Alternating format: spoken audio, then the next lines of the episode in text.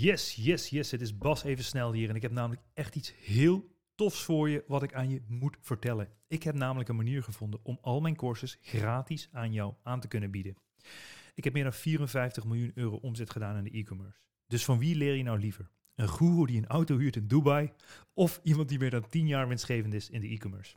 Als je liever niet van de guru leert en bewijs wilt zien van de 54 miljoen euro omzet, schrijf je dan gratis in voor al mijn trainingen op basdeeltuit.nl. Ik heb hier niks te verkopen. Je krijgt gratis toegang tot mijn unieke dwarsmethode. Al mijn e-commerce courses, gratis 1 op 1 coaching en een gratis ticket voor het e-commerce kickstart event waar ik jou alles van A tot Z ga uitleggen hoe jij een succesvolle e-commerce business kan gaan opzetten. Alles is letterlijk gratis. Er zitten hier geen addertjes onder het gras. Dit wordt namelijk mogelijk gemaakt door een subsidie die jij ook geheel gratis en kosteloos kan aanvragen. Je hoeft zelf niks voor te schieten en normaal kost dit pakket 2000 euro. Schrijf je snel in op basdeeltuit.nl om gratis toegang te krijgen tot dit hele spektakel. Ik zeg veel plezier met het luisteren van deze podcast en tot snel. Ciao, ciao. Dames en heren, vandaag in de Ondernemen op Slippers podcast, de one and only Brit van Smeerdijk. Uh, Brit begon op haar 24e met het produceren van online video's en is inmiddels eigenaresse van Booming Productions. In 2018 won ze de prijs voor Freelancer of the Year, uh, waaraan meer dan 10.000 freelancers deelneemden en zij won deze supermooie prijs. Ze heeft uh, onder andere videocontent gemaakt voor Heineken, Gamma, Flexa, Gotan en nog vele andere mooie bedrijven. Ze heeft de Screw It, Just Do It mentaliteit. Brit, welkom.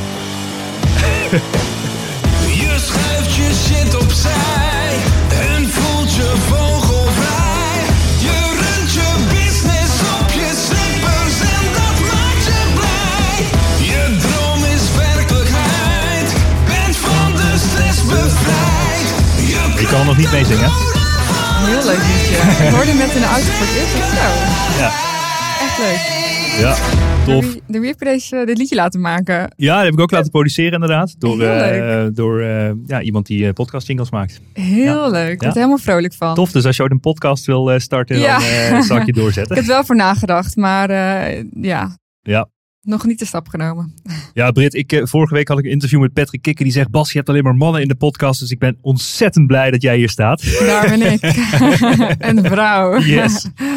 Eh, tof. Eh, mijn eerste vraag, redelijk intens. Wat zou je doen als je nog drie maanden te leven hebt? Oh jeetje, dat is een hele goede vraag. Ik zou al mijn geld opmaken. En alleen maar leuke dingen doen. Ja, eh, reizen natuurlijk. Maar goed, dan eh, moet je niet eh, nog drie maanden te leven hebben in deze tijd, denk ik. Want dan Ja. eh, blijft het alleen in Nederland. En ja, een beetje die standaard dingen. Gewoon dingen doen die je misschien nog heel graag had willen doen. Ik ben bijvoorbeeld heel erg bang voor parachutespringen. Dan zou ik ook gewoon denken, nou fuck it, laten we dat ook maar gaan doen dan. Ja. Dus ehm, Ik heb ja. net genoemd dat jij de screw it, just do it mentaliteit Ja, hebt. Maar, maar je ik- bent dus ook bang. Nou ja, ja, ja zeker. Voor, voor dat soort dingen wel. Want ik ben een keertje. Ik had vroeger ook zeg maar zo'n mentaliteit in gewoon eh waaghals dingen doen. Dus ik ben een keer van een brug afgesprongen in eh, Zwitserland. Eh toen de jongens boven aan de kant geduwd. Van nou, eh, die stonden op zo'n stenen muurtje. Ja. Ik dacht van, nou, dat kan ik wel. Dat ga ik wel doen. Zei mijn toenmalig vriendje van Brit. Nee, ga nou eerst even van die lagen af. Nee, ik ga gelijk van die grote. En ik stond daar boven en die stenen zaten ook helemaal los. En ik wiebelde daar op met mijn tenen. En ik keek naar beneden en dacht, oh, het is toch wel heel erg hoog. Maar ik dacht, oké, ik sta nu al hier. Iedereen kijkt. Ik moet nu springen. Dus ik sprong. En op het laatste moment trok ik mijn voeten in. eh, waardoor ik dus keihard op mijn billen eh, op het water belandde. En ik weet nog dat ik onder water kwam. En dat ik echt dacht, oh, ik hoop dat ik mijn benen nog kan bewegen. Ik was zo bang dat ik verlamd was. En ik had zo'n pijn en ik kwam boven en iedereen klappen en ik moest huilen. En dat is zo, nou, dat is echt niet leuk. En ik had zoveel pijn, ik kon amper nog op de kant komen. Ik had zo'n bult in mijn lies, ik kon bijna niet lopen voor drie dagen lang. Wow. Dus sindsdien vind ik het, ik- krijg ik altijd zweethanden als ik mensen op, op eh, ja, grote hoogte zie staan. Wel een keer gebungee jump tijdens opnames. Toevallig eh, hadden we dat ding gereserveerd voor een uur. Dacht, nou, daar ga ik wel. Toen dacht ik, oké, dit doe ik echt nooit meer. Maar ehm, nee, dus parachutespringen vind ik wel echt, eh, nee, ik weet niet. Die vrije val, dat lijkt me echt doodeng. Ja, Daardoor. Misschien had ik het eerder wel gedaan, maar Ja, nou ja, over, over, uh, over hoogte gesproken. Ik heb een keer in, ik weet niet of je uh, bij, uh, tussen Zimbabwe en Botswana heb je een hele grote brug. En daar is, dat is een van de hoogste bungee jumps ter wereld. Die is 111 meter hoog. En dat heb ik gedaan toen ik, Oh, volgens mij was ik ja. 19 of zo toen ik daar was. En toen ik dat had gedaan, toen dacht ik, oké, die wil ik ook bungee jump. Ja. Ja, maar die, of die wil ik ook parachute springen bedoel ik. Ach, ja. dat lijkt me nog steeds tof. Ik heb het nog steeds niet gedaan, maar goed. Het is in Colombia heb ik geparaglide. Oh ja. Dat durf ik dan wel. Ja. Omdat je dan gewoon geleidelijk Ja. gaat en niet jezelf laat vallen. Ja. Die vrije val vind ik gewoon door die sprong gewoon heel eng. Ja, ja. Ja, Oké, dus je hebt ook angsten.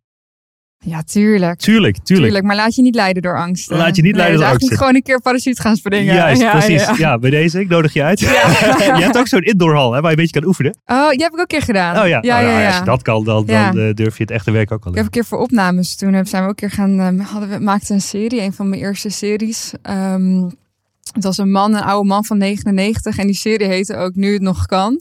En toen gingen we met die man, die wilde nog heel graag eh parachute springen. En hij is dus eh, van een, uit het vliegtuig gesprongen op Texel.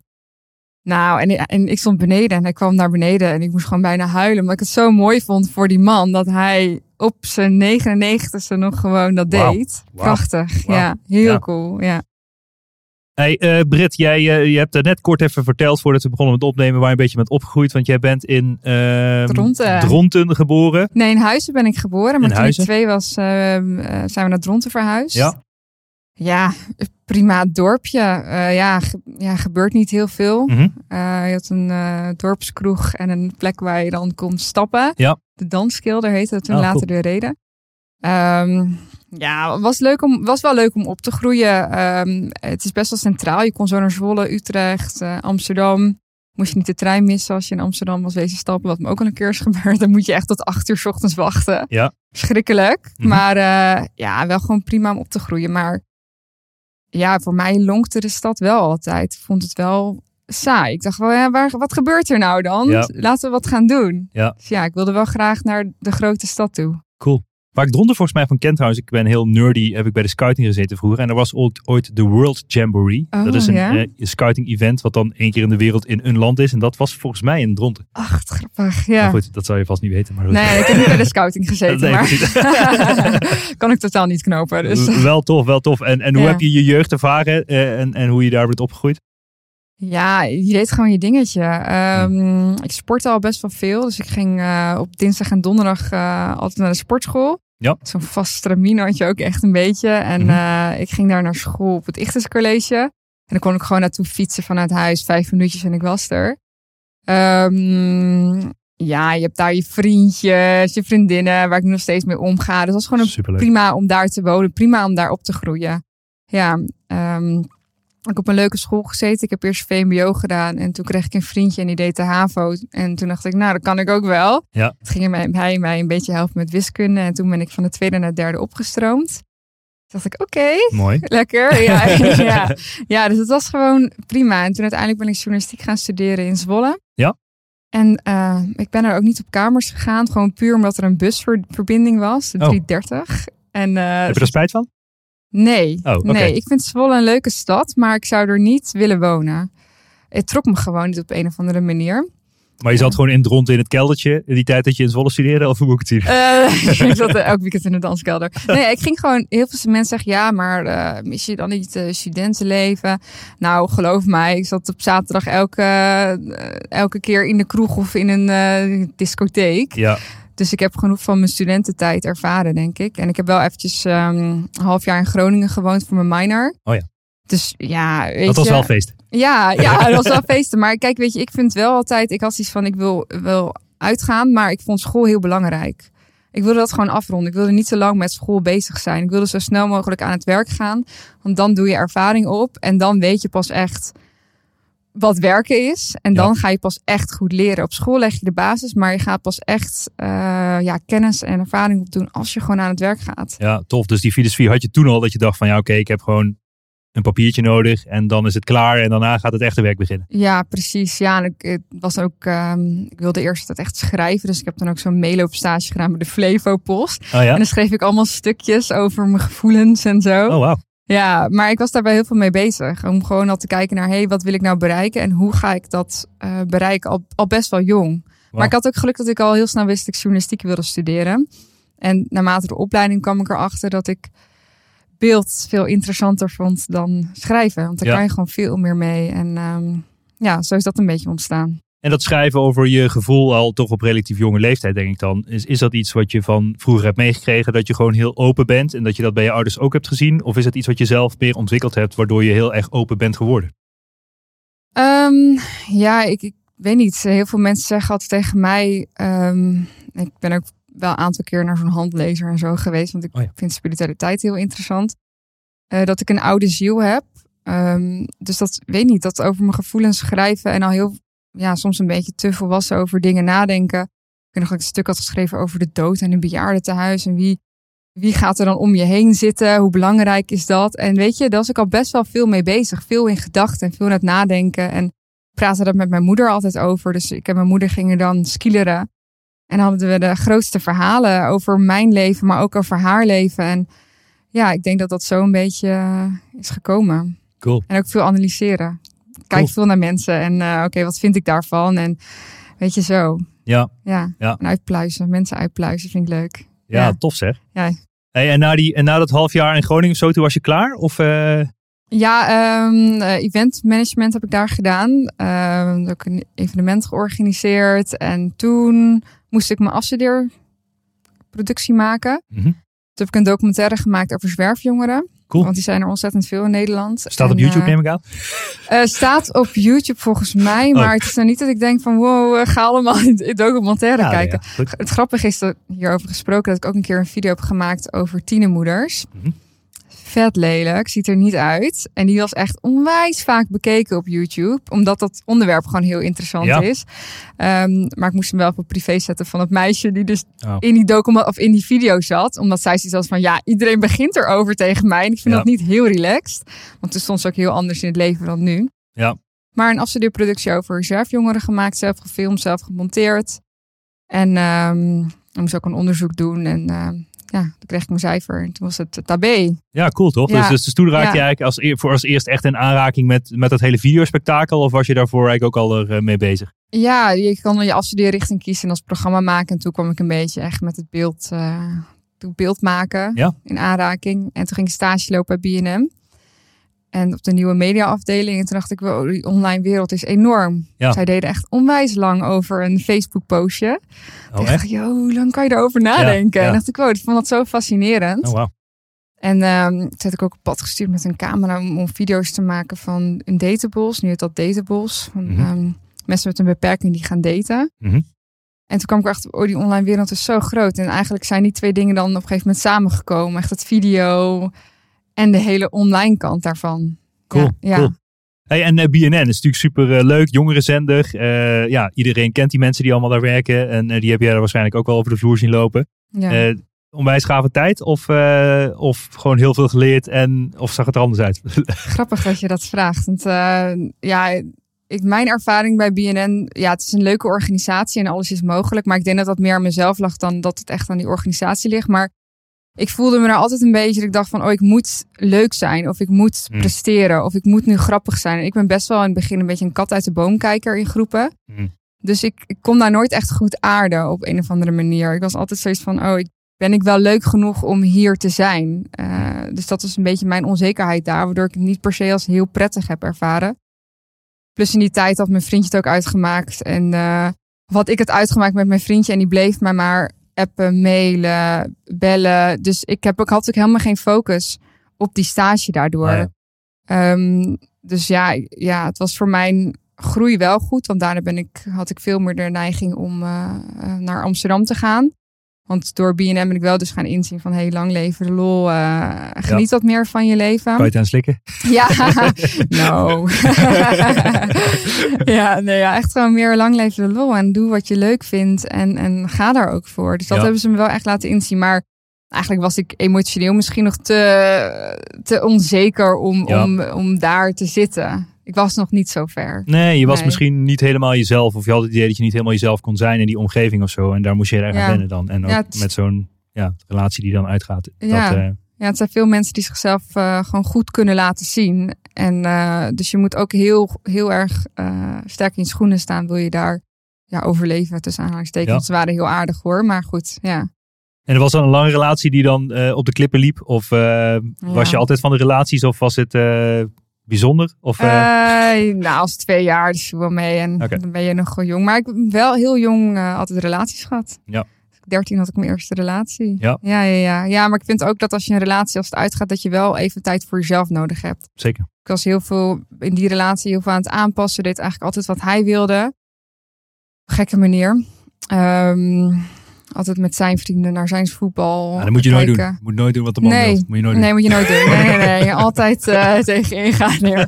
Maar toen, eh, ja, dat, dat was gewoon hoe Ja. ik er toen in zat. Ja. Mm. Maar ja, dat was, daar leer je altijd van, hè? Ja, Daarna weet je precies hoe je wel of niet wil zijn in je volgende relatie. Maar altijd even alleen zijn. Want dan in een relatie ben je toch altijd aan het aanpassen. Omdat je met elkaar gaat leven en moet leven. Mm. Dus als je dan weer even alleen bent, moet je even kijken. Wat vind ik nou eigenlijk ook alweer? ja. Ja, Ja, en ik denk dat dat ook een beetje de kracht is. Hè. Ik- Dat is hetzelfde in business. Je moet eerst erachter komen wat je niet wil, om het daarna vervolgens te doen zoals je het wel wil. En dat is in Precies. relaties eigenlijk precies hetzelfde. Dus ja, Ja. dat- verslijt er maar een paar en dan eh, maak je een lijstje van dit wil ik allemaal niet. En Ja. zo wil ik het wel. En dan ga je dat zoeken. De perfecte man is er toch niet, geloof me. ja. Ehm, En ja, maar, je komt er ook achter dat, dat liefdesverdriet heel relatief is. Want je voelt Ja. je een tijdje echt ontzettend vervelend erover. Hmm. En dan na een paar maanden denk je, hm, gaat wel weer. Ja, ja, ja, precies. Ja. Ja. Dat, is ook wel... eh, Ja, dat is ook grappig om te zien hoe mannen en hoe vrouwen hun liefdesverdriet zeg maar eh, verwerken. Hè? Dus ik zeg altijd, mannen neuken hun verdriet weg en vrouwen Ja. huilen het weg. ja. Eh, maar ik vind het heel sterk van je dat je zegt, ik, neem de, ik heb de tijd voor mezelf genomen. Hè? Weet je, de meeste mannen doen hun oude schoenen pas weg als ze nieuwe hebben. En denken dan van, oké, nou ja, volgende hoofdstuk. En probeer het zo snel mogelijk te vergeten. ja, ik hoorde laatst ook dat het, voor, dat het beter is als een man veel meer van jou houdt dan een, dan een vrouw van een man. Omdat een man zich dan compleet aan je bindt. En het lastig vindt om hele diepe emotionele relaties aan te gaan. En voor een vrouw is dat wat makkelijker. Ehm, dus ze zijn dat meer gewend om zo'n band te hebben. Daarom denk ik dat verliefdheid ook niet zo heftig voelt voor vrouwen. Voelt wel heftig, maar voor mannen voelt het denk ik veel heftiger. Omdat ze denken, oh, ik voel al deze gevoelens. En vrouwen die hebben altijd al heel veel gevoelens. Ja, ja, ja, ja, ik snap het. Wauw. Dus, eh, ja. Wauw, mooi, Ja. mooi, mooi. Hou jij meer van je vrouw dan zij, zij van jou? Poeh, ik hou ontzettend veel van mijn vrouw. En Ja. we hebben drie prachtige kinderen. En het is, eh, ja, ik, ik bedoel, ik had het niet anders willen voorstellen. Maar ja, of je dan, ik weet niet of je dat echt gaat afwegen, zeg maar. Zeg dan, hoeveel, punten hou jij van Ja. mij? Weet je, oh, nou, nou, ik heb er wel drie meer, weet je. Ja, ik bedoel, Ja, ja, dat is dus heel erg, dat is, dat is moeilijk om te zeggen. Dat vind ik heel raar om dat eh, te, te wegen in ieder geval. ja. Ehm, maar, eh, nou ja, dat gezegd hebben. Je hebt dus verschillende relaties gehad. En nu volgens mij heb je inmiddels wel een vriend. En maar je had het ook, we hebben het er net van tevoren even over gehad. Je hebt niet per se een kinderwens. ja. Eh, eh, en dat vind ik altijd wel bijzonder, hè, zeg maar, als een vrouw geen kinderwens heeft. Komt denk ik ook wel een beetje door, eh, door je business en wat je daar aan het doen bent. Maar waarom geen kinderwens? Ja, geen kinderwens, dat is. Ik heb nu niet. Sommige vrouwen weten al heel snel van: oké, ik zou ooit een keer Hm. kinderen willen. Of, of bijvoorbeeld mijn schoonzusje weet het al heel erg sterk. Ik heb ook vriendinnen die dat sterk weten. Ook heel veel vriendinnen die het dachten te willen en nu daar heel erg over twijfelen. Ehm, mijn zus bijvoorbeeld heeft ook al twee kindjes. Ehm, eh, dus ik ben nu ook pas 28 of bijna 28. Mhm. Uh, maar ik voel het niet zo sterk. Ik, ik, voel niet dat mijn enige taak op aarde is om mijzelf voor te planten. Um, dus uh, ja, ik, ik weet niet. Ik denk ook, ik ben ook, vind ook dat de maatschappij ons heel veel dingen oplegt. En het hoort dan zo te zijn. Uh, want als vrouw zijn uh, hoor je wel kinderen te hebben. Of dan is dat normaal. En het is eigenlijk niet normaal als je dat niet wil. En dat vind ik gek, want het niet hebben van kinderen is een veel minder grote impact op je leven dan wanneer wel. Dus waarom is de vraag niet van, wow, wil jij kinderen? Wow, heftig. Ja. Snap je? Want als, ja. ik, als ik nu geen kinderen, uh, als ik er niet voor kies, dan verandert mijn leven veel minder ingrijpend dan wanneer ik er wel voor kies. Ja. En toch is die keuze altijd een gekke keuze van, oh niet? Oh, ja. raar.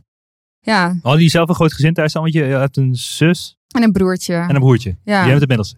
Ik ben de middelste. Ah ja, top. Ja, okay, ja. box. Ja. ja, ik ben ook Ja. de middelste, dus dat is wel een mooie positie. Leuk zeg hè? maar. Ja, ja, ja, ik vind het ook leuk. Middelste kinderen zijn leuk. ja. Maar goed, je ziet ook een beetje bij, uh, bij je zus, dus je oudere zus dan. Ja, Die heeft uh, twee kinderen. Je ziet ook een beetje wat het inhoudt, zeg maar. En, en ja, wat het voor haar betekent om, om kinderen op te voeden. Schrik je dan een beetje daarvan? Ja, ik vind het wel heftig. Ja. Ja, ik, pas, ik hou echt ontzettend veel van mijn nichtjes. Ja. En uh, ik vind het heel leuk. En laatst Mhm. heb ik ook de nichtjes van mijn vriend gepast.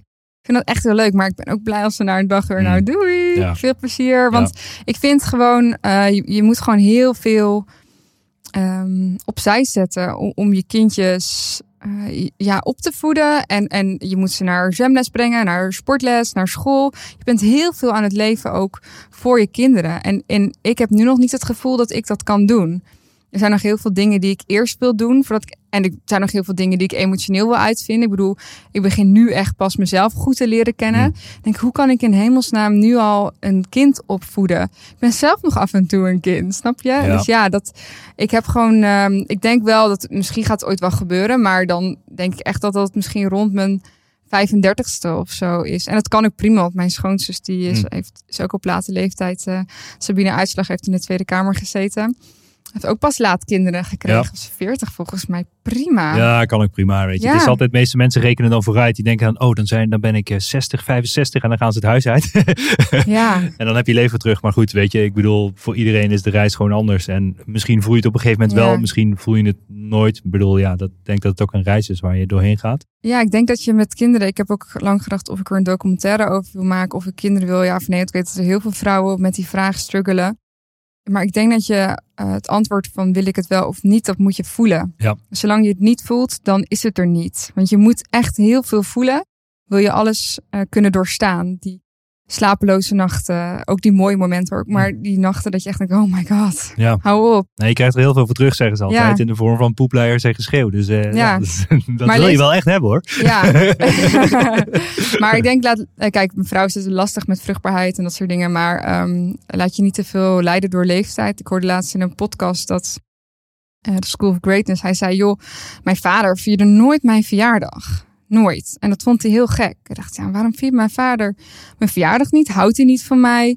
En toen was hij dertien en vroeg hij aan zijn vader, nou pa, ehm, hou je niet van mij? Of zo, dat je me nooit feliciteert, nooit cadeautjes. Toen zei die vader, nee, ik wil niet jou laten leiden door je leeftijd. Hm. Dus ik leg niet de nadruk op jouw leeftijd of op je verjaardag. Want ik Hm. wil niet dat je je laat beperken door hoe oud je bent.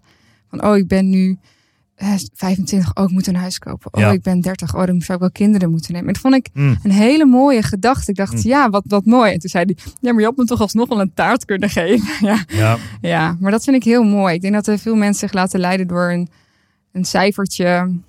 En waarom eigenlijk? Want ja en, en nou ook eh, eigenlijk? dat, dat mensen eigenlijk dan volgens het boekje leven. En eigenlijk, eh, nou ja, laten we eigenlijk letterlijk zeggen, misschien gewoon de crowd volgen. Dus je zit gewoon in een kudde schapen. En Ja. jij bent ook een wit schaap. En je blijft gewoon in dezelfde richting lopen.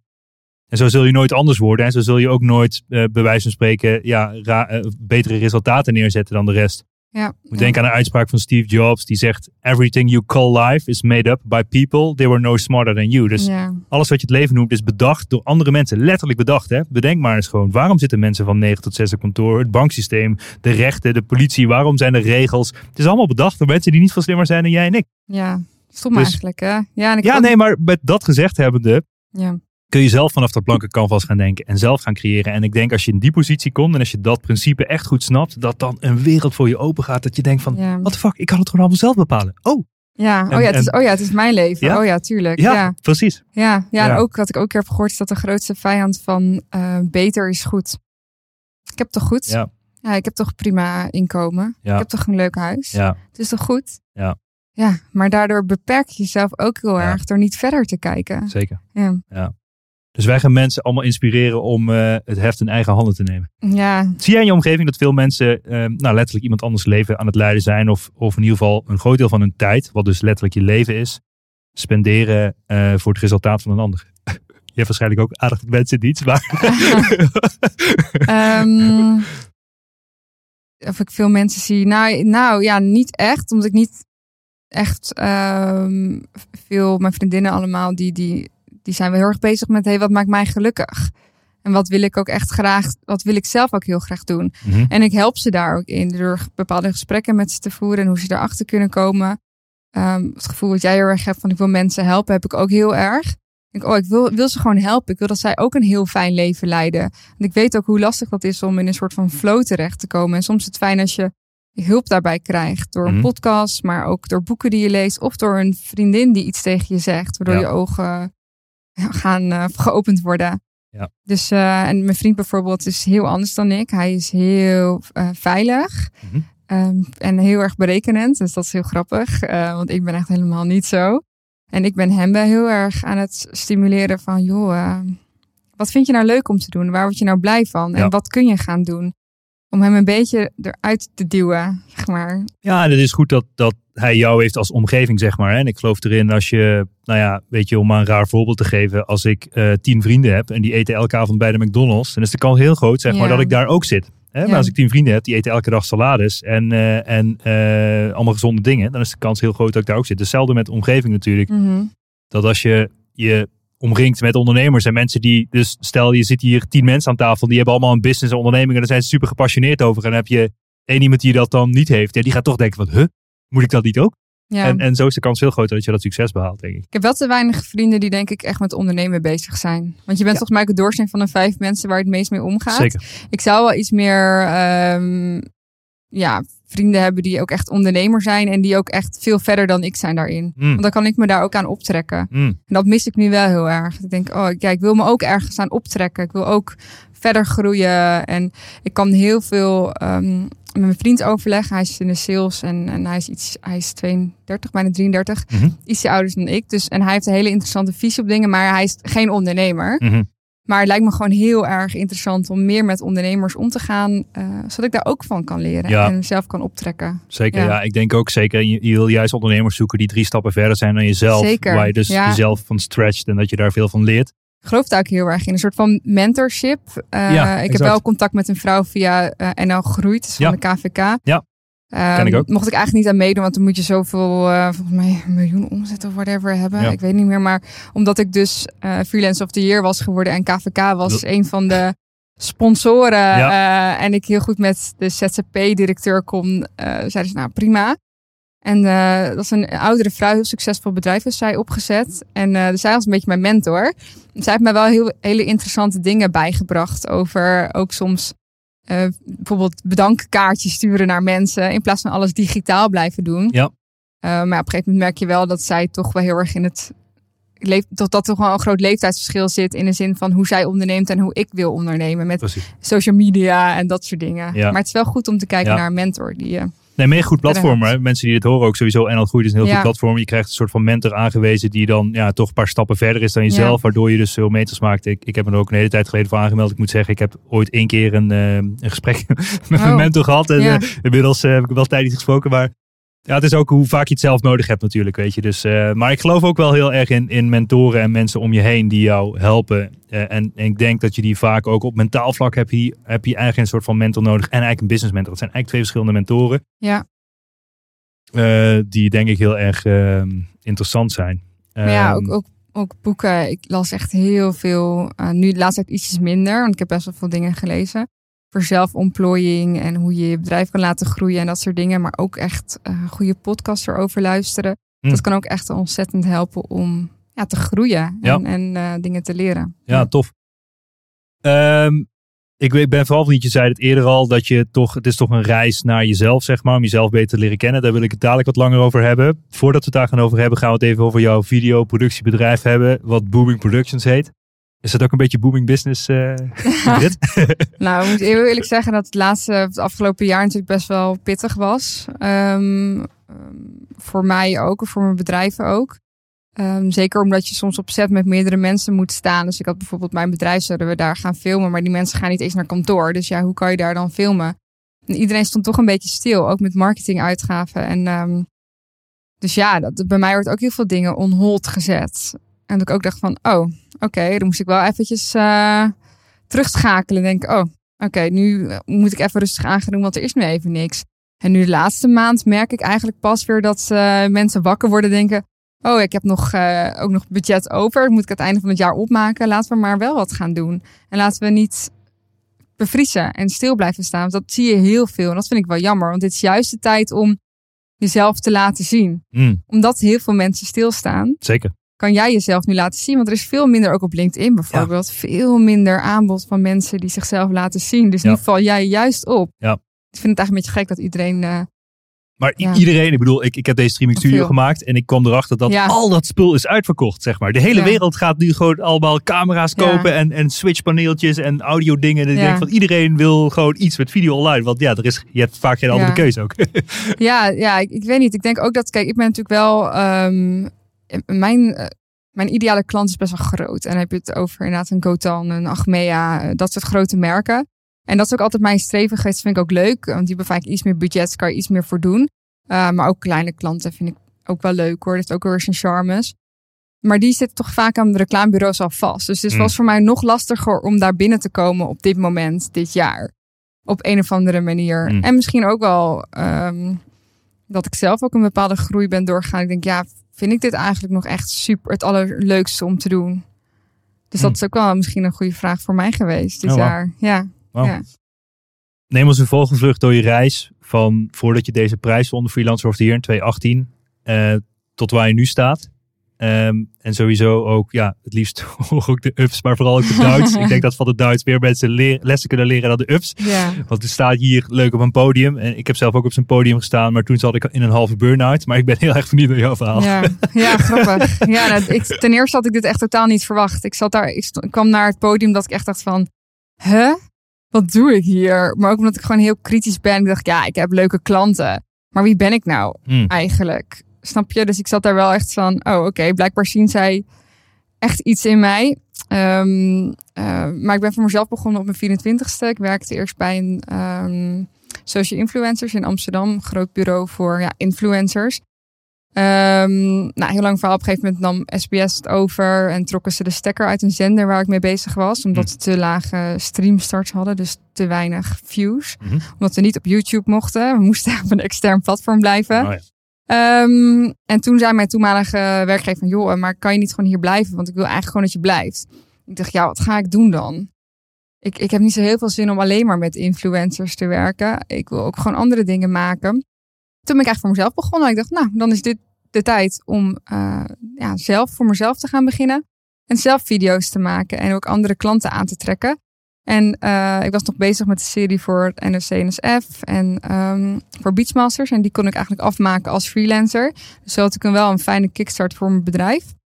En eh, toen ben ik eerst nog een half jaar, drie dagen in de week gaan werken voor Libelle TV. Dus dat is natuurlijk best wel fijn. Dat is ook als je wil beginnen met ondernemen en je vindt het spannend om, om gelijk die stap te wagen, is dat een hele mooie tussenstap. Mhm.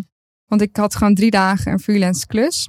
En die overige twee dagen was ik bezig om eh, aan mijn bedrijf te werken. Ja, dus andere super. klanten binnen te halen. Ja. En dat werkte eigenlijk heel erg goed. En het geeft je ook een beetje zekerheid dan. Van ik heb gewoon inkomen, maar ik kan ook gewoon aan mijn bedrijf werken. Ja. En wat is Libelle TV? Is het Libelle het blad en is er dan Ja. een kanaal bij of zo? Of ja, ja, ja, als een kanaal. Ja, en ik begeleidde toen vloggers. Ja. Mhm. Het was eh, niet echt waar mijn hart sneller van gaat kloppen, maar voor toen was het prima. En ik vond het Mhm. ook wel schattig om Moet mensen wat te leren vloggen. en ik vond het prima. Ik dacht, Ja. ja, het is ook interessant, ook goed voor je netwerk. Hè? Sanoma is toch een groot bedrijf. Volgens mij is het nu DPG geworden. Mhm. Ehm, dus het is sowieso goed voor, voor mijn netwerk geweest. En ik geloof ook dat elk ding, wat op je pad komt, heeft een reden.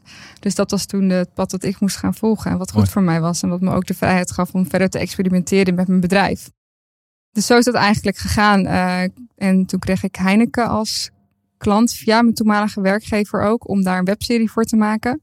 En toen stopte ik ook met Libelle TV. En ik dacht, ja, als ik echt eh, mijn bedrijf laten groeien, moet ik niet drie dagen nog iets anders blijven doen. En toen is dat eigenlijk eh, gebeurd. En het was ook heel erg leerzaam. Veel te veel zelf gedaan tijdens die klus. Echt dacht, oh, soms moet je ook gewoon mensen inhuren. Dat is de fout die je in het begin ja, maakt dan. maar ik dacht, oh, ik doe het allemaal zelf. Ja. Nou, dat is niet echt. eh. Ik heb nog nooit zoveel stress ervaren. Als je een burn-out wil, moet je alles zelf doen. Halleluja. Ja, ik, ik heb ook nooit meer zoveel. Dat was voor mij echt een soort van piek, piekstressmoment. Oh. En daarna is niets meer zo stressvol als toen. Dus het was echt, eh, echt heel erg stressen. En toen won ik in april dus de Freelancer of the Year Award. Maar ja, ik ben eigenlijk niet zo van de wedstrijden. Ik, ik, ik weet niet, ik hou er niet van om mensen te gaan optrommelen op mij te stemmen. Maar wat ik leuk vond aan deze wedstrijd is dat je eh, referenties moet verzamelen. Dus dat je klanten jou referenties moeten geven. Mhm. En op basis van die referenties ben je door naar een volgende ronde. Mhm. Nou, dan mag je een pitchvideo opnemen. Eh, dus dan moet je echt je bedrijf gaan pitchen. Gek genoeg kon ik dat echt niet goed. Want ik was echt super zenuwachtig. Terwijl ik best wel veel ook eh, zelf vlogde in die Ja. tijd. Maar het is toch anders dan wanneer je echt eh, daar moet gaan staan en je verhaal moet gaan doen. En ik was die dag ervoor ik uit geweest. Dus ik eh was een, lichte kater. Precies. Dat is het ja, beste. ja, echt. Dus ehm, ik nam die wedstrijd wel serieus, maar volgens mij ook niet zo serieus dat ik dacht dat ik ook echt daadwerkelijk een kans maakte om freelancer of the year te worden. Maar ik had er wel heel veel lol in. En de grap was dat toen de dag van de uitreiking Ik ging met mijn vriend erheen en mijn ouders wilden komen. Ik zeg, joh, jullie hoeven echt niet te komen, maar ik win toch niks. Hm. Nee, nee, is leuk. eh, we komen gewoon. Nou, en ik en mijn vriend, die was super lekker weer. Ja, zullen we wel erheen gaan? Misschien moeten we gewoon naar een, op een terrasje gaan zitten. Ik zei, nee, ja, misschien win ik wel beste starter. Was ook een soort van categorie. Want ik had wel een mooie omzet gedraaid. Laten we gewoon gaan kijken. En leuk ook goed voor mijn netwerk. En toen zat ik daar en eh, ik was ook alles aan het filmen. Dus als mensen terug willen zien, staat ook op mijn YouTube kanaal. is best wel grappig. Cool. En ik dacht, oh, ik moet ook gewoon filmen hoe mensen, of hoe, wie de winnaar is uiteindelijk. Nou, dus wij zaten daar op een rijtje, ik filmen.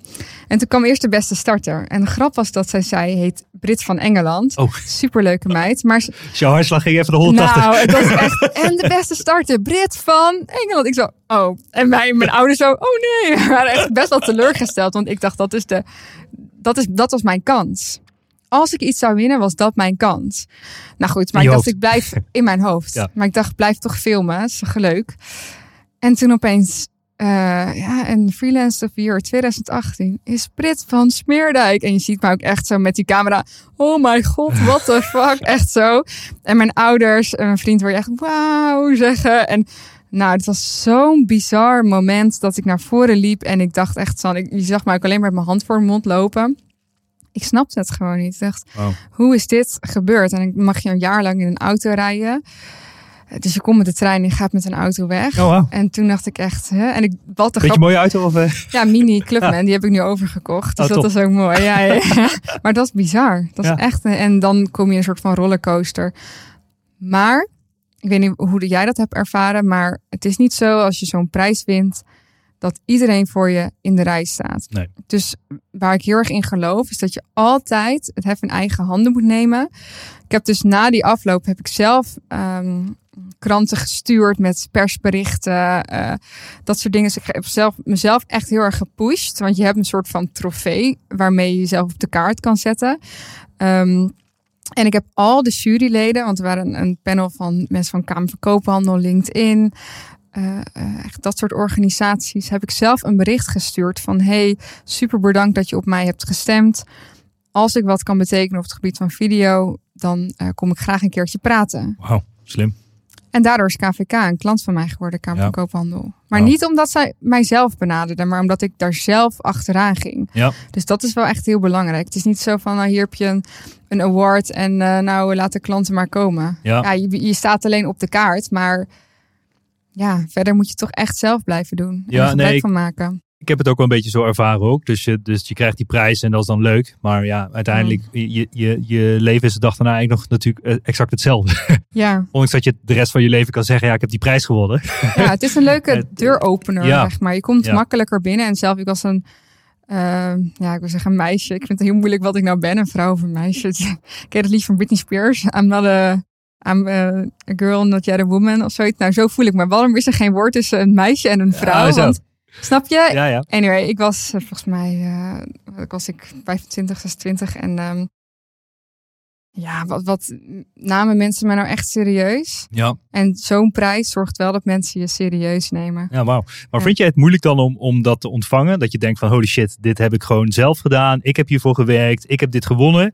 En dat je dan tegen jezelf zegt, fuck, ik ben gewoon eigenlijk trots op mezelf. Vind je dat lastig? Ja, vond ik heel lastig. Ja, dus je maar bent omdat eigenlijk ik, gewoon heel streng voor jezelf. ja, ik ben heel perfectionistisch. Ja. En dat is ook waarom ik dit jaar echt een soort van halve inzinking heb gehad. Maar omdat ik gewoon, ik stond daar en ik dacht, maar meid, je bent pas net bezig. Hm.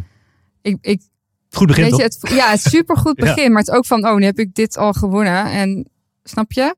Maar het voelt voor mij alsof het te vroeg kwam. Mm. Snap je? Dat ik denk van, joh, ik had... Ja, maar jij weet niet Ehm, hoeveel prijzen je nog gaat winnen natuurlijk. Hè? Ja, nou, dat zou heel leuk zijn. Ik denk, het is, dus, ik ben super dankbaar voor dat moment. En, Ja. en, en het is gelopen hoe het is gelopen. En blijkbaar was het zo voor mij eh, bedoeld.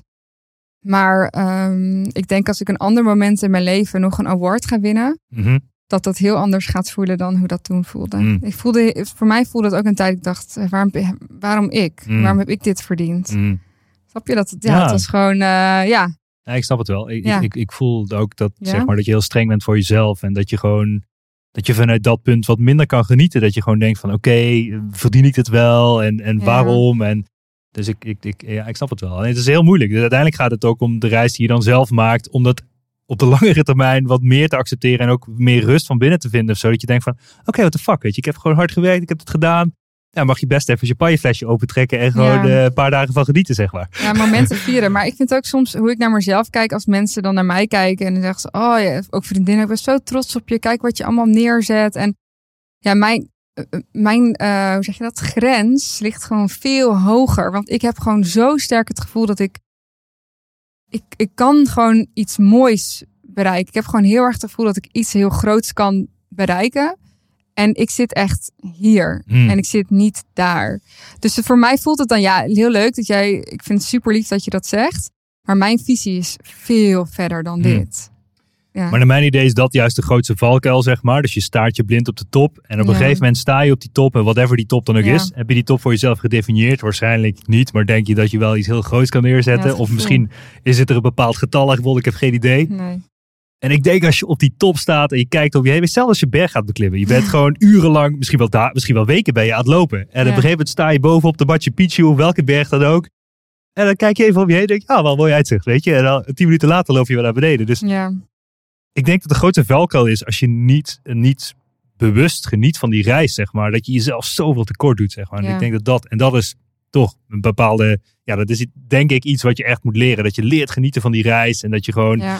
100% jezelf kan zijn en, en alles wat erbij komt kijken. Ik denk dat dat super krachtig is om uiteindelijk het zo te ervaren. Ja, dat is ook denk ik heel erg. Want toen ik 21 was, had ik ook altijd in mijn hoofd. Oh, ik wil succesvol zijn als ik super jong ben en bla bla bla. Precies. En ik was er het mee bezig. En toen dacht ik echt van. Op een gegeven moment zat ik met zo'n vrouw in gesprek. En die zei. Ik was me ook zelf continu aan het vergelijken met iedereen. Zij zei van Brit, maar waarom doe je dat? Want je hebt geen idee waar andere mensen zijn op hun pad. Dus je vergelijkt jezelf terwijl je niet weet waar ze zelf naartoe zijn aan het lopen. Je bent je aan het vergelijken met niks. Want je Hmm. weet niet waar zij zijn. En iedereen bewandelt zijn eigen pad. Ja. Dus hou het bij jezelf. En dat heb ik best wel jong geleerd. Ik wilde ook altijd dan voor mijn 25ste een huis kunnen kopen. En weet je, dat soort inhoudloze dingen. En eh, op een gegeven moment heb ik heb wel echt geleerd eh, dat meer los te laten. En het leven meer op, op zijn beloop te laten. En veel meer te kijken naar inderdaad je, je kern en je reis. Mm, En daarvan te genieten. mooi. Maar dan moet je ook, ja, dat, dat gaat als je het doet, zeg maar. Ja. Ja, leer je. Nou, een mooie uitspraak denk ik is vergelijk jouw binnenkant niet met iemand anders zijn buitenkant. Ja, weet je, ik bedoel, en dan kijk je Ja, naar de mooi. social dilemma, weet je, en het hele sociale spektakel. Het ene is nog mooier dan het andere, weet je. Maar je hebt geen idee, weet je. Die mensen die alleen maar schone schijn lopen te spelen op social media, die hebben waarschijnlijk soms wel, ja, een beetje raar te zeggen, maar soms een verrotte binnenkant, zeg maar. Die voelen zich gewoon misschien wel heel erg kloten. Terwijl ze alleen maar lachen op al die foto's. Ja, ja, nou ja, ik denk ook dat ik, ik vind social media, ehm, ik, ik vind het echt, ja, dat is een beetje feministisch misschien van mij, maar ik vind het echt heel vervelend dat er veel veel vrouwen zijn die zichzelf op een bepaalde manier profileren. En dat jonge meisjes van een jaar of negen die ook een telefoontje hebben, Hmm. daarnaar kijken en ze zich daarmee vergelijken om die beauty vloggers. En natuurlijk zijn er wel, zijn wel op YouTube mensen die ik dan bijvoorbeeld volg, die wel eh, met inhoud over dingen praten. Hmm. Maar ik denk, is het dan het voorbeeld? Echt? Ik vind dat gewoon zo eh, pijnlijk en Ja. nep eigenlijk. Doe er ook niet aan mee. Ja, nou het meest schokkende is, vond ik in ieder geval van de social dilemma, is dat de zelfmotivatie onder jongeren net zo hard is meegegroeid met de opkomst van social media. En dat is eigenlijk gewoon, ja, het is gewoon verschrikkelijk natuurlijk. Maar dat heeft Ja. het dus puur te maken met hun eigen beeld. Ze denken dat de wereld perfect is en dat ze zelf rot zijn, zeg maar. Terwijl het helemaal niet zo is. Ja. En hoe leg je dat uit aan jongeren, zeg maar? Dat is echt lastig hoor. Ja, is echt, eh, ik heb ook Instagram echt naar de laatste pagina van mijn telefoon eh geswiped. Ja, ja, dat is gevaarlijk. Dus je swipet veel. ik, ik wilde gewoon, nou, maar ik wilde gewoon niet meer naar kijken. Nee, precies. Ja. Nee, nou, Joe, weg ermee. Ja, niet te veel. Ik vind het wel, Ja. het is wel, kijk, het is bij mij heel moeilijk, hè, want het is ook mijn business, social media. Ja. Ehm, dus ik blijf wel op de hoogte. Maar ik ben wel heel erg eh, bewust van wie ga ik volgen. En, en je hebt op Instagram zo'n verkennen functie. Ik zit daar niet zoveel meer in. Hm. En als ik erin zit, zie ik alleen maar honden nu. Omdat ik een hond heb. En ik zit alleen maar hondjes te kijken. En ik stuur de vriendin alleen maar honden dingen door. Ehm, maar ja, wees gewoon heel bewust van wie je volgt. En wat voor persoon wil je zijn. En Ja. wil je zelf... Denk je echt dat je wat gaat leren van die persoon. En dat die persoon je beter laat voelen. Ja. Denk daar gewoon echt goed over na. Nou, ik ben de laatste tijd meer op een pad van misschien wel totale distanciering, weet je. Dus ik heb voor alles heb ik een soort van strategie waar ik aanwezig ben. Hè. Ik bedoel, op LinkedIn heb ik ook iets van meer dan 25.000 connecties zo. Maar het getal zegt me ook helemaal niks, weet je. Ik heb, bedoel, als ik daar mijn ego naar laat kijken, denk van ja, weet je, let it go. Het, boeit, het getal boeit uiteindelijk helemaal niet. Uiteindelijk gaat het erom wat, wat, mensen, wat je de mensen kon brengen, wat ze daaraan hebben, zeg maar. Dus of dat dan, dan 10 of, of 25.000 zijn, maakt in principe niet uit. Maar ik, heb dus, ik had een, eh, een spel met mezelf aan. Ik keek welke apps ik het meest gebruikte in mijn statistieken. En ik ging steeds een plan maken met de meest gebruikte app. En dan ging ik een plan maken, hoe kan ik die verwijderen? En zo ben ik, zeg maar, mijn mail-app is eraf, mijn Facebook is eraf. Ja. Eh, nou ja, ik heb nu mijn LinkedIn dan nog wel op mijn telefoon staan. Maar ik heb er een strategie voor. Ik heb, mijn, ja, ik heb een bedrijf die, die, die stuurt mensen berichten, die interacteert, die post. En ik heb een, een PA, zeg maar, die ook zeg maar, aanwezig is op het platform. Dus zo geloof ik erin dat je voor elk kanaal een hele goede strategie kan hebben. Mm. Terwijl je zelf helemaal zen en rustig in je hoofd bent. Terwijl, omdat je niet de hele tijd naar al die verleiding zit te kijken op de social media Je hebt eigenlijk mensen die het voor jou doen. Dus je, Ja. bent, je vindt het wel belangrijk, maar je doet het niet zelf. Ja, ja. Ja, ja dat is heel mooi als je, als je zo'n de luxe hebt om dat Ja. te kunnen doen. Maar doe jij dat niet ook met YouTube dan? Met het beheren van kanalen en dat soort dingen? Of is het meer alleen videoproducties? Ja, ehm, maar ik doe het meer voor, merken natuurlijk. En we Hmm. zijn veel meer content aan het maken. Dus echt een beetje wat je op televisie ziet, alleen dan online. Dus dat is wel anders eh, Ja. eh, dan, dan echt voor hun posten op een of andere manier. Ik Ja. ben het veel meer aan het monitoren als je kijkt naar YouTube dan. Van hey, hoe scoren de video's en wat kunnen we doen om ervoor te zorgen dat ze beter gaan scoren. Ja. En, en los van het aantal views, want ik vind dat mensen zich ook altijd doodstaren op het aantal views. En bovendien kan je als je kijkt naar Instagram zo makkelijk volgers kopen. Dus wat zegt dat nou Mm. uiteindelijk? En Mm. eh, ik denk dat je veel moet kijken naar wie is nou mijn, eh, mijn kwalitatieve volger in plaats van naar eh, kwantiteit. Mm. Hoeveel heb ik er? Ja, leeg. Ja, het is, deze dagen is het super moeilijk om het echte van het neppe te onderscheiden op het internet. Hè? Zelfs met Ja. eh, augmented reality, virtual reality, weet je, alles. Ook eh, of je het nou hebt over reviews. Ik zit zelf veel op Bol of Amazon en er zijn ook genoeg artikelen over gepublice- gepubliceerd, weet je. En hetzelfde met social media. Wat is echt en wat is nep, weet je. Ik bedoel, ja, tegenwoordig is het bijna niet meer te Je weet onderscheiden. het niet. Nee, je weet nee. het niet. Nee, maar dat enige hoe we dat kunnen veranderen is doordat jij en ik gewoon zo echt mogelijk Ja. eh, blijven. En dat ook laten zien. En Zeker. vooral niet meegaan in zo'n neppe wereld. Ja. Ik denk dat dat heel belangrijk is. Uiteindelijk kan je dat toch niet veranderen. Ja. Maar het enige wat je kan, waar je invloed op hebt, dat ben je zelf. Ja, mooi gezegd. Ja, Mooi gezegd. en daar, daar kunnen we wel wat aan doen. Ja. Oké, laten we dan toch eh, één eh, ego-sessie doen. Eh, hoe krijg je zoveel mogelijk views op YouTube? nee, wat, wat, ik ben, ben benieuwd. Ik denk gewoon even een paar minuten, paar minuten praktisch YouTube-strategie of zo. geen idee, weet ik, ik weet niet of je het zo... er is vast een of andere formule of zo die je dan zegt van... Nou, als je deze drie stappen volgt, dan, dan heb je grote kans te slagen. Dat is er niet, dat is er niet. En dat maakt YouTube ook heel lastig. Ehm, ik denk dat je wel moet met een plan een YouTube kanaal moet gaan opzetten. Dus heel duidelijk weten van nou wat wil ik nou eigenlijk op dit kanaal gaan brengen. En waarom zouden mensen eh, zichzelf op dit kanaal gaan abonneren. Dus wat, ga, wat voor content ga ik eigenlijk maken? Daar moet je wel heel goed over nadenken. En je moet gewoon heel erg consequent zijn. Dus je moet heel vaak uploaden. Doe het zelf ook niet genoeg hoor. Ehm, maar eigenlijk gewoon echt elke week moet jij wel iets posten om in de picture te blijven. Of het moet gewoon echt zo goed zijn dat, je, eh, dat mensen het gewoon na één keer in de twee weken ook Mm. prima vinden. Maar wat je veel ziet is dat je gewoon regelmatig aanwezig moet zijn. Maar dat is met alle... YouTube is een beetje een marketingmiddel natuurlijk. Dat is met ook dingen in de marketing zo dat je zelf moet laten zien. Ehm, en eh, ga ook ontdekken wat jouw doelgroep interessant vindt om te zien. Ik denk dat de beste manier is om, om eh, je kanaal te laten groeien, is om tussen de grens van entertainment en, en informatie te zitten. Mhm, Dus dat je mensen iets brengt en dat het entertainend is. Precies. Ik denk dat dat heel erg slim is om daar iets mee te doen. Ja. Ja, Goed voorbeeld van Pieter Zwart of zo, die altijd eh, grapjes heeft en Ja. toch gewoon een bizarre business heeft. ja ik doet het überhaupt supergoed. Die hebben het echt allemaal heel erg strak doorgetrokken in elk opzicht. Ja, maar Eh, het grappige is denk ik heel belangrijk. Ja, dus echt, eh, ja, nee, of gewoon, ja, ook een beetje los ermee omgaan en jezelf vooral niet te serieus nemen. Ja. Kijk, vlogs natuurlijk zijn ook eh, heel veel entertainment, maar je hebt ook vloggers die heel veel informatie daarin vertellen. Dus dat is gewoon een hele mooie combinatie eh, om jezelf te laten zien. Hmm.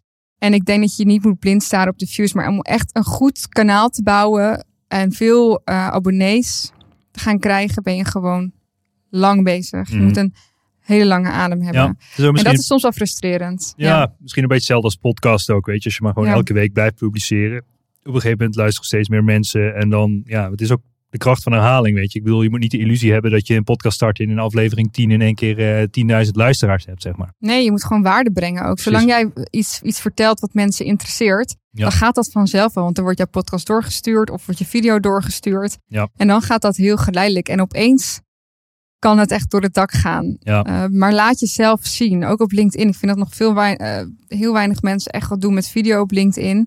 Ik heb daar echt, ik maak dan regelmatig een video vrijdag waarin ik videotips geef. Super simpel. Eh, breng ook wat. kom ook wat brengen. Ga niet alleen maar zeggen, oh kijk eens wat voor nieuwe klant ik heb of wat ik nu weer heb gemaakt. Mhm. Ik, eh, het is niet een soort van etalage LinkedIn. Probeer ook te kijken, wat kan ik mensen op dit platform brengen? Hetzelfde op YouTube. Want daarmee gaan mensen denken van, oh wat leuk, ze geeft deze informatie gewoon gratis eigenlijk. Wat interessant. En daar heb ik al best wel wat interessante contacten aan overgehouden door gewoon dat soort video's te maken. Ja. Ja, Ja. dat is ook iets wat je moet leren. Weet je, eerste video is niet perfect. En eh, als, je, als je er honderd hebt geschoten, worden ze steeds beter of mooier. Of leer je Ja. voor jezelf een beetje een strategietje te bedenken natuurlijk. Ja, En onderaan de streep draait het allemaal uiteindelijk om connectie. Hè? Dus Ja. eh, of je nou een merk bent, een persoon bent of wat dan ook. Je, je wil uiteindelijk gaat het om connectie met je klant of de medemens. Hoe Ja. het ook wil doen. ja. ik denk dat soms, ik vind, voor merken vind ik het een ander verhaal. hoor. Want dan vind ik wel dat ze goed na moeten denken over wat voor video's gaan we maken. En echt heel duidelijk moeten nadenken over een grotere strategie. Dus wat voor thema's gaan we Mhm. eh, introduceren op ons kanaal? Hoe vaak gaan we posten? Wat gaan we maken? Maar als je kijkt naar een, een ZZP'er bijvoorbeeld, Mhm. die kan veel sneller starten. Tuurlijk moet je wel gaan nadenken over wat, wat ga ik nou eigenlijk brengen en wat zijn de grote lijnen waar ik mijn kanaal ga, aan op ga hangen. Maar eh, die, veel, die kunnen veel sneller schakelen en veel sneller even iets opnemen om te laten zien eh, wat ze aan het doen zijn. Ja. Dus eh, de grootste fout van video maken is denk ik het niet doen. Er niet mee beginnen. Nee, precies. Te lang erover Precies. nadenken. Screw Oh, it, ja, just maar- do it. Ja, precies. Is dit wel goed? Ja. Heb ik wel een goede camera? Heb ik wel geluid? Gewoon doen. Ja. En, en livestreaming en dat soort dingen, zeg maar. Doe je daar ook dingen mee? Of is het iets wat nog niet... eh, ja, ik zie het steeds meer in ieder geval. Ik eh, heb zelf ook af en toe eh, gelivestreamd hier vanuit de studio. En wat, Ja. wat ik nu ga testen. Oké, dat moet ik eigenlijk niet te hard zeggen. maar dat is zeg maar, je kan via Restream is een platform. Daar kan, daar kan ik zeg maar mijn livestreams gewoon in, ehm, ja, hoe noem je dat? Programmeren zeg maar. Dus ik kan gewoon Mm. zeggen, oké, ehm, meestal tussen 8 en 9 zitten mensen op de bank zeg maar. Dan kan ik dan live gaan terwijl ik het Oh, ja. bij wijze van spreken overdag opneem. Niet live, maar wel live. Ehm, en ik was Patrick Kik ook in het interview. Die zegt, ja, ik heb thuis een computertje staan. Die is de hele dag aan het livestreamen. Dus hij heeft een soort van carousel van al zijn video's die hij gewoon de hele dag Oh, ja. livestreamt. Dus grappig, hij is gewoon ja. de hele dag live. maar is maar- het dan nog live? Ja, nee, het is het, wordt- het is op de computer wordt het live naar Ja. buiten gestuurd, maar het is niet live. Dus nee. hij zit gewoon onder de pallenboom en hij is de hele dag gewoon videocontent naar buiten aan het gooien. Ja. Maar doe je daar veel dingen mee al wat livestreamen of nog niet echt? Ehm, dus wel heel vaak tegen mij gezegd, Brit, waarom ga je niet eh bedrijven aanschrijven om, om te gaan livestreamen? Ehm, ik, heb, ik werk wel met een bureau samen die daar heel goed in is. En daar werk ik dan ook. Heb ik laatst een grote livestream voor gedaan. Maar ik weet daar, in alle eerlijkheid, ik weet daar te weinig vanaf van de techniek. Want dat is heel technisch. Om dat echt nu aan te gaan bieden eh, aan, aan merken en bedrijven. Ik laat dat liever aan mensen over die er al jaren mee bezig zijn. In plaats van alle livestreambureautjes die nu als paddenstoelen uit de grond eh, Ja. Ja, poppen. Ja. Dus ik vind het wel zeker interessant. Ik vind ook wel vaak dat de kwaliteit niet zo heel goed is. Sommige mensen. En wat ik soms vind van livestreamen is dat wat is nou de toevoeging soms van ehm, video daarin? Bijvoorbeeld een podcast, als je daar een video van maakt, wij zitten gewoon te praten. Mhm. Is dan een video nou echt een meerwaarde? Ik vraag me af, want het maakt niet uit wat wij nu doen. Want niemand, we zijn niet interessant om naar te kijken. Wij zijn wel hopelijk interessant om naar te luisteren. Mhm.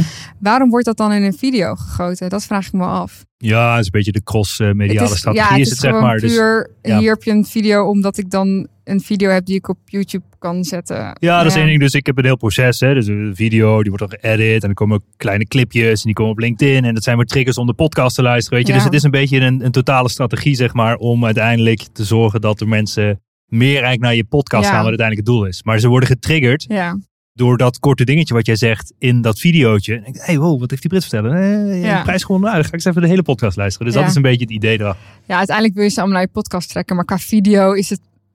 Ik denk dat als mensen een video op YouTube luisteren zoals deze... dat ze het gewoon luisteren en er niet per se naar kijken. Nee, dit lijkt me ook best wel saai, weet je. Ja. Video's kijk je met actie en er moet wat gebeuren. Ja, en, en wij zitten hier goed, te- te ja. Het vuurwerk moet nog komen. Ja, maar- ja, ja. ik zou sowieso dit even op YouTube kijken. Want,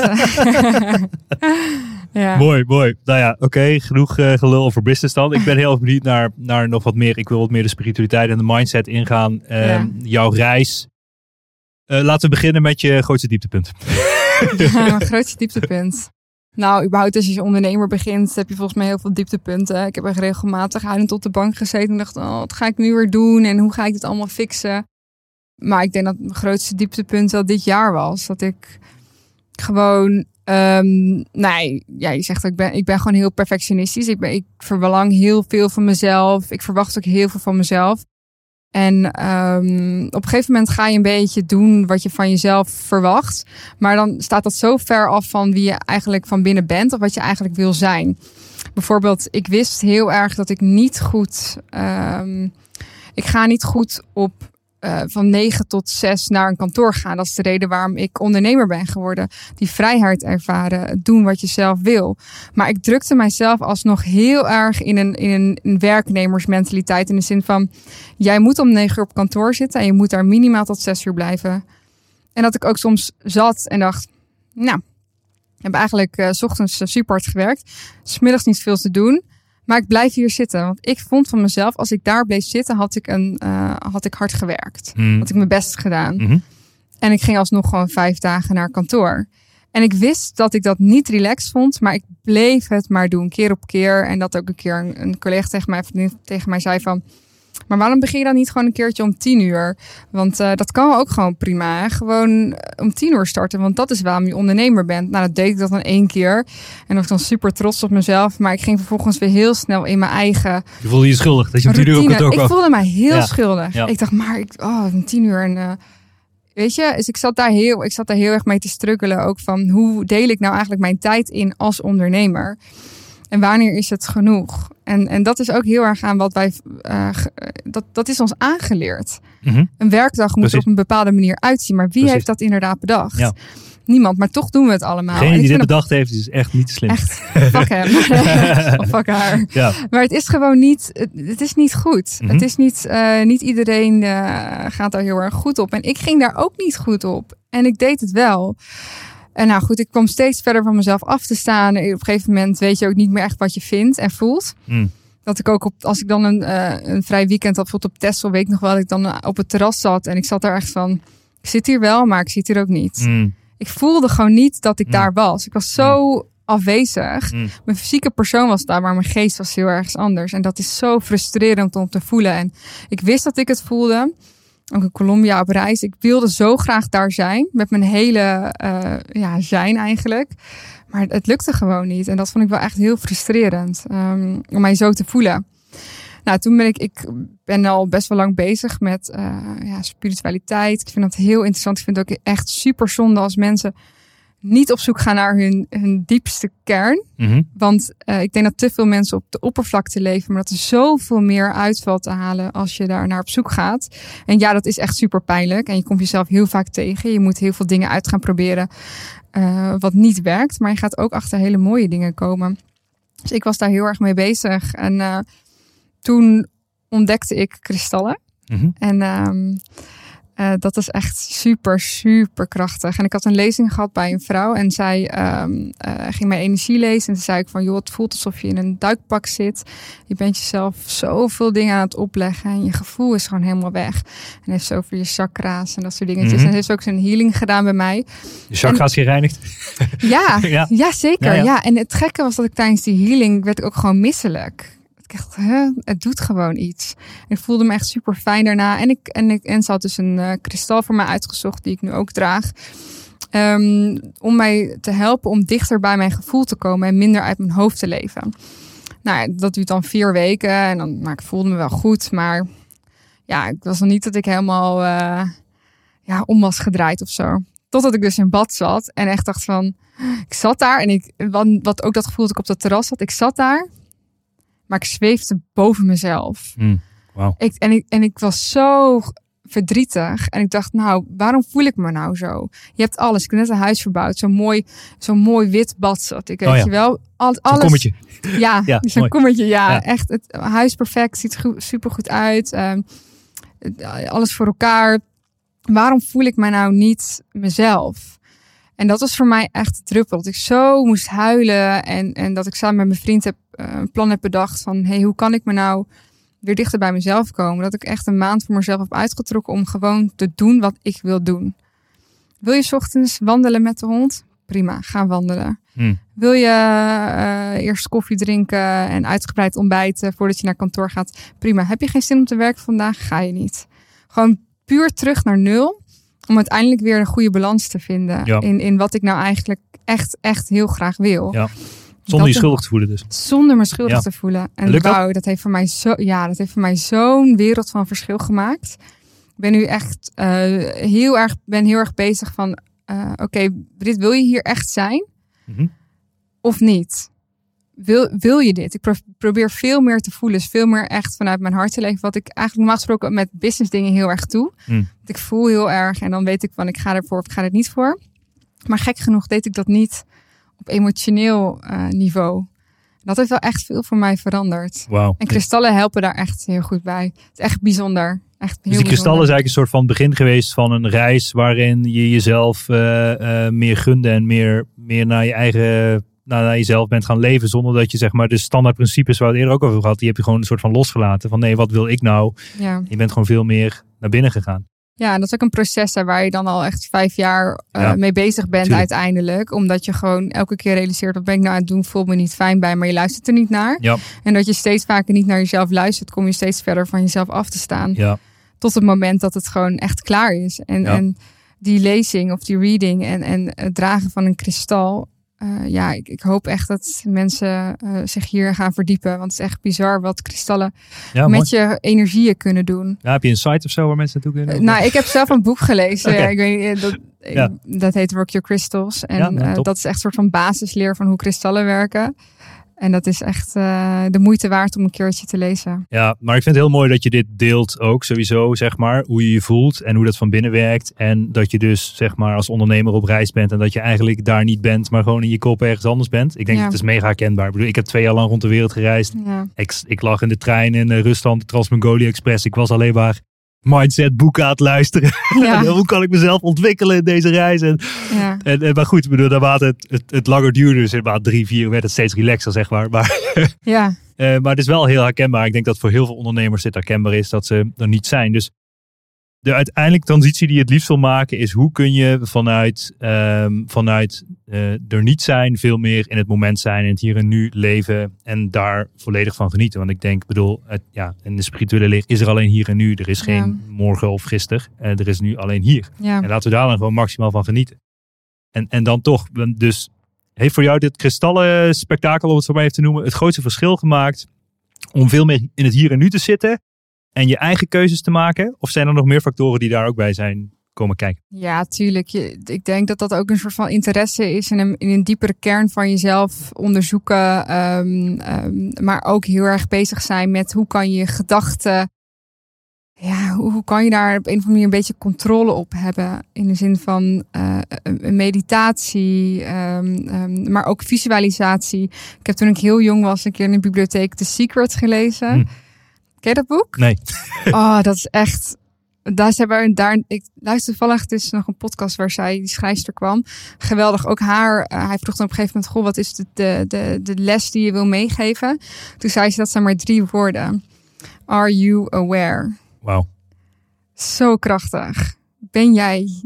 Ja, ben je wakker eigenlijk? Wauw. Ben je hier? Ja. Ehm, maar zij gelooft heel erg in visualiseren. Dus ehm, je kan visualiseren wat je heel erg graag wilt. Mhm. Zij ehm, eh, wilde ook bijvoorbeeld een betere relatie met geld krijgen, want zij had alleen maar schulden. En wat ze dan deed was gewoon elke keer als ze dan weer een rekening op de, op de mat viel, opende ze hem en dacht ze. Oh, wat leuk. Dit is een cheque van 10.000 dollar. Oh, en zij ging zo, zo visualiseren dat ze heel veel geld had. En, eh, en zich daar helemaal op instellen. Op een gegeven moment ging ze ook geld weggeven om gewoon een positief gevoel te krijgen met Ja, geld. cool. Zij is groot voorstander van visualiseren. En in dat boek, is al best wel oud, maar is echt de moeite waard om te lezen. eh, eh, zie je heel veel mensen die daar dus vertellen een verhaal en hoe zij met visualisatie hun doelen hebben bereikt. En daar geloof ik heel erg in. Want wat jij denkt, dat ga je krijgen. precies. Dus dat is heel, heel, heel belangrijk om je dat te realiseren. Als Ja. je denkt dat er toch niks met je gaat worden in het leven, gaat het ook niks worden. Nee, dat Als je ook. bedrijf gaat mislukken, denk, als je dat denkt, gaat het mislukken. Ja, dat, dat denk ik ook. Heel veel mensen eh, eh, spelen, zeg maar, om niet te verliezen. Terwijl je moet spelen om te winnen. Ja. En, en dat is denk ik een heel, dat maakt alle verschil uiteindelijk. En dat je dat vertrouwen hebt van binnen. En als je, ik geloof ook in de kracht van herhaling. Dus als je elke dag aan de Ja. spiegel zegt van, hey, eh, whatever Je doel is. Of ja, je affirmaties. Zeg gewoon, whatever je doelen zijn. Die, die je elke dag tegen jezelf vertelt. Ja, dan gaat het gewoon vroeg of laat gaat het gebeuren. Want je gaat het op een gegeven moment voelen. Je gaat aan naar leven. Je gaat, alles gaat bewegen. En het is gewoon, Ja, dus dat is echt prachtig. Mooi man. Ik denk dat je als ondernemer heel veel op, op een stuk op, op kennis kan doen. Dus je kan een bedrijf opzetten op basis van kennis. Maar uiteindelijk wat jij succesvol gaat maken zit allemaal in je hoofd. Ja. Dat is echt grotendeels van hoe je tegen het leven aankijkt. Maar waar je verder mee bezig bent. Hoe je 's ochtends opstaat. eh, dat zit echt, Ja. echt hier. Dat is Ja, echt je ja, mindset. Daar ga je pas echt Ja. eh, ja, groot van worden. Ja. De rest is allemaal het begin. Ja, elke verandering begint dus tussen de, tussen de oortjes. Ja, dat Mooi. denk ik wel. Ja, Mooi. dat gaat je uiteindelijk verder brengen. Ja. Mooi. Heb je nog dromen? Ja, ik heb heel veel, eh, ja, heel veel dromen. Het is, maar het is ook vooral dat ik. eh, Wat is de big dream? Nou, ik ben nu bezig met het opzetten van een nieuw bedrijf naast Booming Productions. Dat is echt iets heel anders. Dat zit in de mode. Mhm. Ehm, dat is wel echt heel bijzonder. En dat is wel voor mij een droom om daar. ehm, heel, het is een pakkenmerk voor vrouwen. Mhm. Dus- Want ik vind dat er toch te weinig mooie pakken zijn voor vrouwen. Het is voor mij een heel groot gemis. Eh, ehm, die het vrouwelijk lichaam accentueren, maar een vrouw laat opvallen. Dus ook de kleuren en de modellen. Cool. Ik wil dat een vrouw de kamer binnenkomt met een van mijn pakken en dat iedereen naar haar kijkt, want dat verdient ze. Mhm. Dus dat gevoel, zoveel vrouwen blij maken met de kracht van een pak. En ze daardoor ja, meer kansen laten grijpen. Want dat zit ook allemaal in je gevoel natuurlijk, hoe je eruit ziet. Ja, Ik kan net even dat extra duwtje geven. Dus dat is wel mijn doel om zoveel mogelijk vrouwen die, die kracht te geven. En, en daar een mooi bedrijf omheen te bouwen. cool. Maar ik denk dat mijn grootste doel is in balans zijn. Ja, Gewoon in balans zijn, tevreden met je leven. En Ja. tevreden met wat je hebt. En, eh, belangrijk woord, denk ik. ja, de balans is voor mij echt, dat is echt een keyword Ja. in mijn leven. Hoe Nou, zorg je voor balans? Kijk, in de spirituele wereld, dan kom je op een gegeven moment aan een punt, zeg maar, dat je ook eh, beseft dat materialisme niks is en dat je eigenlijk overal afscheid van moet nemen. Dat het, de ultieme vrijheid zit hem eigenlijk in niks hebben en jezelf niet identif- identificeren met iets of iemand. En daar, Ja. zit, daar, daar zit de ultieme vrijheid. Alleen in de westerse wereld zit je een soort van spagaat. Want je weet het, maar toch leef je er ergens nog niet naar, zeg maar. Het is heel Ja. erg oncomfortabel om alles weg te geven. En Ja. eh, maar een beetje zweverig persoon op de planeet uit te hangen, zeg maar. Ja, het is ook heel moeilijk om je los te, los te rukken van Ja. hoe de maatschappij eh, wil dat je bent. Ja. Dat is gewoon echt heel moeilijk om je daarvan af te zetten. Omdat we nou eenmaal in een wereld leven waar Ja. je met geld dingen koopt. Eh, en, en dat is gewoon heel moeilijk. Ja. Want je hebt gewoon geld nodig om te kunnen leven. Je kan niet van de lucht leven. Ja. En dat is een soort van gevangenis waar je dan soms in zit. Ik vraag me af wat, wat er zou gebeuren als het geld niet bestond. Wat Ja. voor keuzes mensen hadden gemaakt later. Ja, Of cool. nu. Ja. Ik ben nu een boek aan het lezen van Jay Shetty. Ik weet niet of je hem kent. Amerikaanse gast heet Think Like a Monk. Het is heel interessant. Die gast heeft ook drie, vier jaar in, een- in, een, in een klooster of bij, met monniken ge- geleefd. En daarna heeft hij de opdracht van die monnik gekregen van... Weet je wat jij moet doen? Jij moet dit verhaal gewoon in de rest van de wereld gaan vertellen. Want daar hebben heel, veel- heel veel mensen iets aan. En hij Ja. inspireert mega veel mensen. Hij is trouwens ook echt big op YouTube. Hij heeft veel video's met miljoenen views. Dus eh, Jay Shetty is een coole gast om eh, in ieder geval te volgen. Doe me een beetje denken aan het verhaal van de eigenaar van Headspace. Die is ook heel lang eh, monnik geweest. Ja. En die is uiteindelijk ook weggegaan om, om dit verhaal van Ja, meditatie aan, aan de wereld te vertellen. Wauw, Ja, we Wauw. weten allemaal hoe succesvol Headspace is. Maar ja, ja echt, Cool. echt heel mooi. cool zeg. Hey, we zitten alweer meer in een uur te lullen. Ja, ik zie het. Ja. Ehm, ik probeer ik- ook een beetje Ja, korter van stof te Nee, zijn. ik vond het onwijs gaaf. Ik vond het echt een heel leuk gesprek. En Ja, eh dankjewel voor je komst. Ja, nou dankjewel voor het uitnodigen. Ja, Ja, en eh, nou ja, eh, wellicht tot snel. ja hopelijk. yes. Bedankt voor het luisteren naar de Ondernemen op Slippers podcast. Check voor meer informatie ondernemenopslippers.nl. Tot de volgende keer.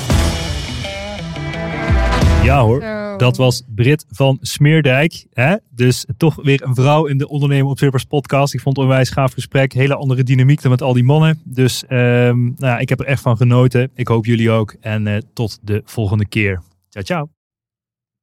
Dit was toch een onwijs gave episode. Laten we eerlijk zijn. Ik vind het onwijs tof. Mocht je nou waarde vinden in deze episodes, check dan ook eventjes mijn LinkedIn, Bas Eurlings. En geef mij gewoon even een persoonlijk berichtje wat je van deze podcast vindt.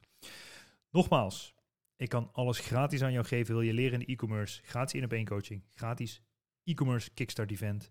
Ga naar basdeeltuit.nl hoe jij subsidie kan aanvragen door gratis, om gratis toegang te krijgen tot alles wat ik gemaakt heb. Check it out en tot snel. Ciao, ciao.